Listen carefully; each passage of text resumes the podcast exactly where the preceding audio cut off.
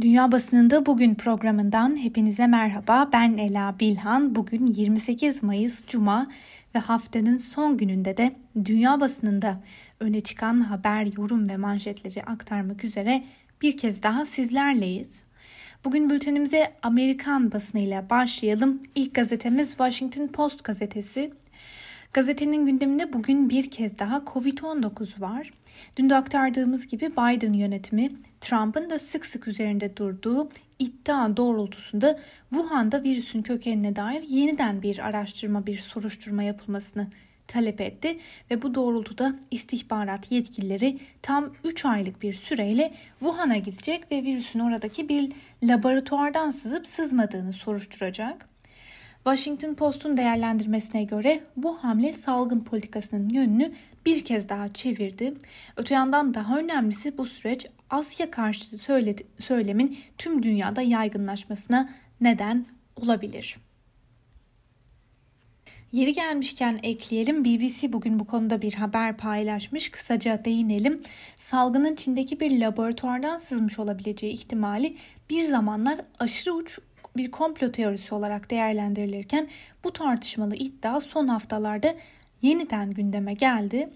Çin'de Biden'a tepki gösterip Washington'ı pandemiyle mücadeledeki zayıflıklarını örtme amacıyla komplo teorileri yaymakla suçladı.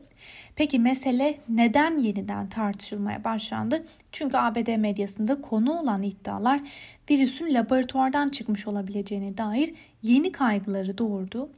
Bu fikre daha önce şüpheci yaklaşan bilim insanları da teoriye açıklık getirilmesinden yana tavır aldı. Bu hafta ABD medyası gizli bir Amerikan istihbarat raporuna yer verdi. Rapor, virüs insanlara bulaşmadan hemen önce 2019 yılı Kasım ayında 3 araştırmacının Wuhan laboratuvarında tedavi gördüğünü yazıyordu. Washington Post'un gündemdeki bir diğer haberi sizlerle paylaşalım. Bu haber bağışıklık sürecine dair. ABD'li bilim insanları aşılamaların hızlanmasıyla yeni bir soruya yanıt aramaya başladılar. Koronavirüse karşı aşılanmış olmanın verdiği rahatlık yerini yeni bir endişeye bırakıyor. Yaptırılan aşılar bizi ne kadar süreyle koruyacak? Üçüncü veya dördüncü doz aşılar ne zaman gerekli olacak? Herkesin bir süre sonra yeniden aşılanması şart mı? Sonbaharda tamamen normalleşmeyi varsayabilir miyiz? Gazeteye göre tüm bu sorular hala yanıtsız. Öte yandan Amerikan basınında öne çıkan bir diğer haberde ise aşılama sürecinin son dönemde taleple ilişkili olarak azaldığı aktarılıyor. Bununla birlikte veriler gösteriyor ki özellikle bazı kesimler aşı yaptırmamış ki bunun içinde her grubun öne sürdüğü farklı bir gerekçe var. Örneğin günlük işlerde çalışan ve maaşlarını çalıştıkları saat bazında alan işçiler ki bu işçilerin büyük bir kısmını Latin kökenliler oluşturuyor. Bu kesimler yalnızca belirli saat aralıklarında yapılan aşıları yaptıramadı. Ulaşılan bu veriler aşılarla ilgili bu durumun gerçek bir sorun olabileceği anlamına geliyor. New York Times'ın aktardığı bir habere göz atalım. Rusya ABD yardım ajansı tarafından kullanılan sistemi hackliyor gibi gözüküyor. Microsoft izinsiz giriş tespit edildiğini ve saldırının daha önceki SolarWinds saldırısının düzenlediği tespit edilen bilgisayar üzerinden yapıldığını bildirdi. Siber korsanlık girişiminin Rusya kaynaklı olduğuna dair önemli bulgular var. Fakat bu adımın zamanlaması da önemli. Yaklaşık 3 hafta sonra Biden ve Putin Cenevre'de bir zirvede bir araya gelecekler. Öte yandan Belarus'un neden olduğu uçak krizi nedeniyle Batı ile Doğu arasındaki gerginliklerde tırmanmıştı. Bu süreçte Rusya kaynaklı siber saldırılarda bu nedenle çok daha önemli. Ve New York Times'ın aktardığı bir diğer habere göre de Biden altyapı çalışmalarını ve sosyal projelere hız kazandırmak istiyor. Biden yönetimi dün yapılması planlanan projeler için ayrılan bütçeyi açıkladı. Buna göre ilk bütçe talebi ile altyapı, eğitim, sağlık hizmetleri ve ekonomi gibi diğer alanlara yatırım yapılması için 6 trilyon dolarlık bir bütçenin ayrılması öngörülüyor. Biden'ın 6 trilyon dolarlık bütçe önerisi Beyaz Saray'ın ekonomik önceliklerine dair bugüne kadarki en ayrıntılı raporu sunuyor. İngiliz basınıyla devam edelim. The Guardian'ın manşetinden aktardığı habere göz atalım.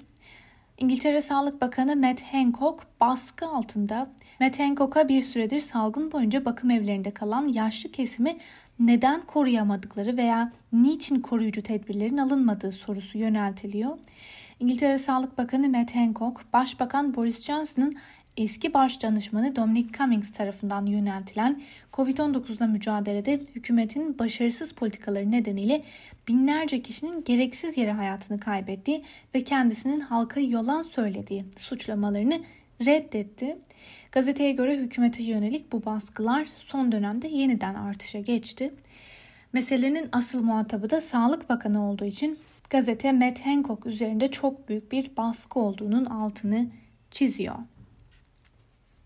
The Eye gazetesinin manşetine göz atalım. İngiltere'deki varyant endişesi 21 Haziran'daki normalleşme adımını tehdit ediyor. Gazetenin ilk sayfasında güzel havaların tadını çıkaran İngilizlerin fotoğrafı var.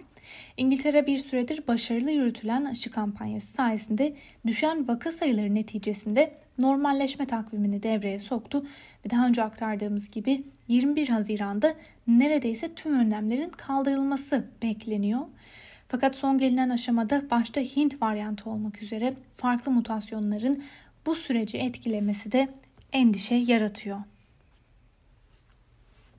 Alman basınıyla devam edelim. Almanya'da yayınlanan Die Welt gazetesinin manşetindeki haber aşılama sürecine dair. Buna göre 7 Haziran itibariyle Almanya'daki gençlerin de aşılanabileceği ve aşı randevusu alabilecekleri duyurulmuş. Alman basınında öne çıkan bir diğer haberle devam edelim. Almanya 1904-1908 yılları arasında Namibya'da Alman İmparatorluğu'nun Herero ve Namalara yönelik katliamlarını soykırım olarak tanımayı kabul etti. Die Welt gazetesi aktardığı haberde soykırımı tanımanın asıl olarak üç temelden oluştuğunun altını çiziyor. Bir suçun kabulü, iki af talebi ve üç tazminat niteliğinde milyarlarca dolar hibe. Deutsche Welle ise aktardığı haberde şöyle diyor. Almanya Namibya'nın yeniden inşa ve kalkınma çalışmalarına yaklaşık 1 milyar 100 milyon euroluk bir katkı yapacak.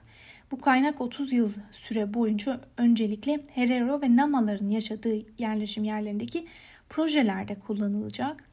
Almanya'nın finanse edeceği bu projeler arasında Namibya'nın arzusu üzerine toprak reformu, tarım, tarımsal altyapı, su tedariği ve meslek eğitimi gibi alanlar bulunuyor. Ve benzer bir haber Fransa basınında da gündeme geldi. Fransa Cumhurbaşkanı Emmanuel Macron, Ruanda soykırımının 27. yıl dönümünde bu ülkeyi ziyarette bulunarak ülkesinin soykırımdaki sorumluluğunu kabul etti.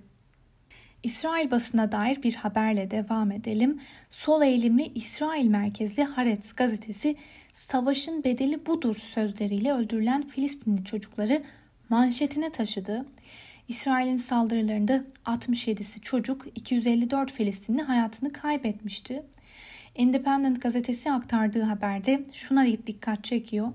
Haaretz gazetesi 14 Mayıs'ta da savaş karşıtı bir ilanlı sayfalarına taşımıştı.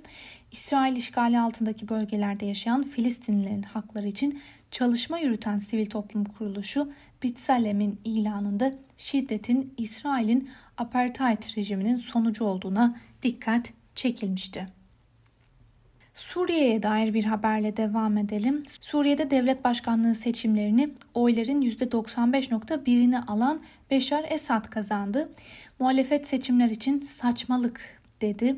Beşar Esad böylece Suriye'de devlet başkanlığı seçimlerini kazanarak koltuktaki dördüncü dönemine girdi.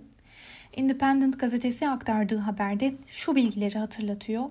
2011 öncesi nüfusu 22-23 milyon civarındaki ülkede Birleşmiş Milletler Mülteciler Yüksek Komiserliği'nin verilerine göre 6.6 milyon Suriyeli ülkesini terk etmek zorunda kaldı. Birleşmiş Milletler İnsani Yardım Koordinasyon Ofisi'ne göre ise 6 milyon 702 bin kişi ülke içinde yerinden edildi. Deutsche Welle ise aktardığı haberde Batı'nın tepkisine odaklanmış durumda. Avrupa Birliği Suriye'deki seçimleri tanımadığını ilan etti. Avrupa Birliği Suriye Devlet Başkanı Beşar Esad hükümetine yönelik ambargoları bir yıl uzatma kararı aldı. Avrupa Birliği ülkeye petrol ambargosu ve Suriye Merkez Bankası varlıklarının dondurulması gibi yaptırımlar uyguluyor. Rusya bir kez daha sosyal medya platformlarını uyguladığı baskı ile gündeme geldi. Uzun süredir Twitter'ın tamamen engellenmesi gündemdeydi. Ancak gelinen son aşamada Rusya'da bir mahkeme Twitter'a tam 19 milyon ruble ceza kesilmesine karar verdi. Rusya'da dün görülen benzer bir dava sonucu Facebook'a 21 milyon ruble para cezası verilmişti. Moscow Times'ın aktardığı bir diğer haberle devam edelim. Avusturya Havayolu şirketi Austrian Airlines'ın Rusya'nın uçuş planını Belarus'un bypass edilecek şekilde düzenlemeyi reddetmesi nedeniyle dünkü Viyana-Moskova uçuşu iptal edildi. Haberde Avusturya'nın bu hamlesi nedeniyle Rusya'yı sert bir şekilde kınadığı da belirtiliyor. Belarus'a dair Türkiye'yi yakından ilgilendiren bir iddiayı sizlerle paylaşalım. Reuters haber ajansına konuşan iki diplomat bir yolcu uçağını zorla indirdiği için hava korsanlığı ile suçlanan Belarus'a karşı resmi tepkileri yumuşatmak için Türkiye'nin NATO müttefiklerine baskı yaptığını ileri sürdü. Ajansa konuşan bir NATO yetkilisi açıklamanın bütün müttefiklerin fikir birliğiyle yapıldığını söyledi. El Cezire'nin aktardığı haberle devam edelim. Sahte haber sarmalı Tayvan'da tehlike yaratıyor. Tayvan Covid-19'a dair sahte haberlerle mücadele ediyor. El Cezire'nin haberine göre ciddi bir dezenformasyon kampanyası yürütülüyor. Yetkililerin söylediğine göre yaşamları tehdit eden bu tehlikeli yalan haber dalgasının arkasında büyük oranda Çin'in olduğu tespit edildi. Ve Çin'e değinmişken Çin'de yayınlanan Global Times'ın gündemine de göz atalım. Gazetenin gündeminde Biden yönetiminin Çin'e yönelik son hamlesi ele alınmış.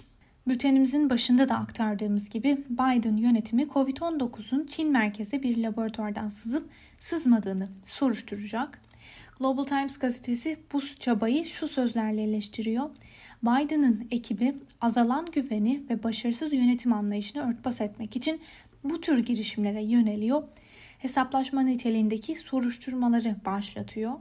Biden yönetimi selefinin yani eski başkan Donald Trump'ın peşinden koştuğu çatışmalar yerine rekabeti vurguluyor olsa da ABD aslında Trump ile benzer bir yönde ilerliyor. Ve son bir dakikamızı da Japon basınına göz atarak değerlendirelim. Japon basınından Japan Times'ın aktardığı habere göz atacağız. Geçtiğimiz yıl ertelenen Tokyo Olimpiyatlarının bu yıl 23 Temmuz'da başlaması planlanıyor. Fakat son dönemde ülkede yeniden artışa geçen vaka sayılarının bu planın önünde önemli bir engel olarak durduğu belirtiliyor. Geçtiğimiz ay Japon hükümetinde başbakandan sonra ikinci en güçlü isim olan Liberal Demokrat Parti Genel Sekreteri Toshiro Nikai ülkede koronavirüsün daha da yayılması durumunda Tokyo Olimpiyatlarının tamamen iptali seçeneğinin düşünülebileceğini söyledi. Fakat hükümetin olimpiyatları özellikle de mali kaygılar nedeniyle kesinlikle iptal etmek istemediği biliniyor. Bu nedenle Japonya o hal sürecini olimpiyatlardan bir ay öncesine kadar uzatma kararı aldı. Yetkililer Tokyo Olimpiyatlarının düzenlenip düzenlenmeyeceğine dair bir karar verilmesi için en geç Haziran ayı sonuna işaret ediyorlar. Sevgili Özgürüz Radyo dinleyicileri, Japon basınından aktardığımız bu haberle birlikte bugünkü programımızın da sonuna geldik. Haftaya pazartesi günü aynı saatte tekrar görüşmek dileğiyle sizlere şimdiden iyi hafta sonları diliyoruz. Hoşçakalın.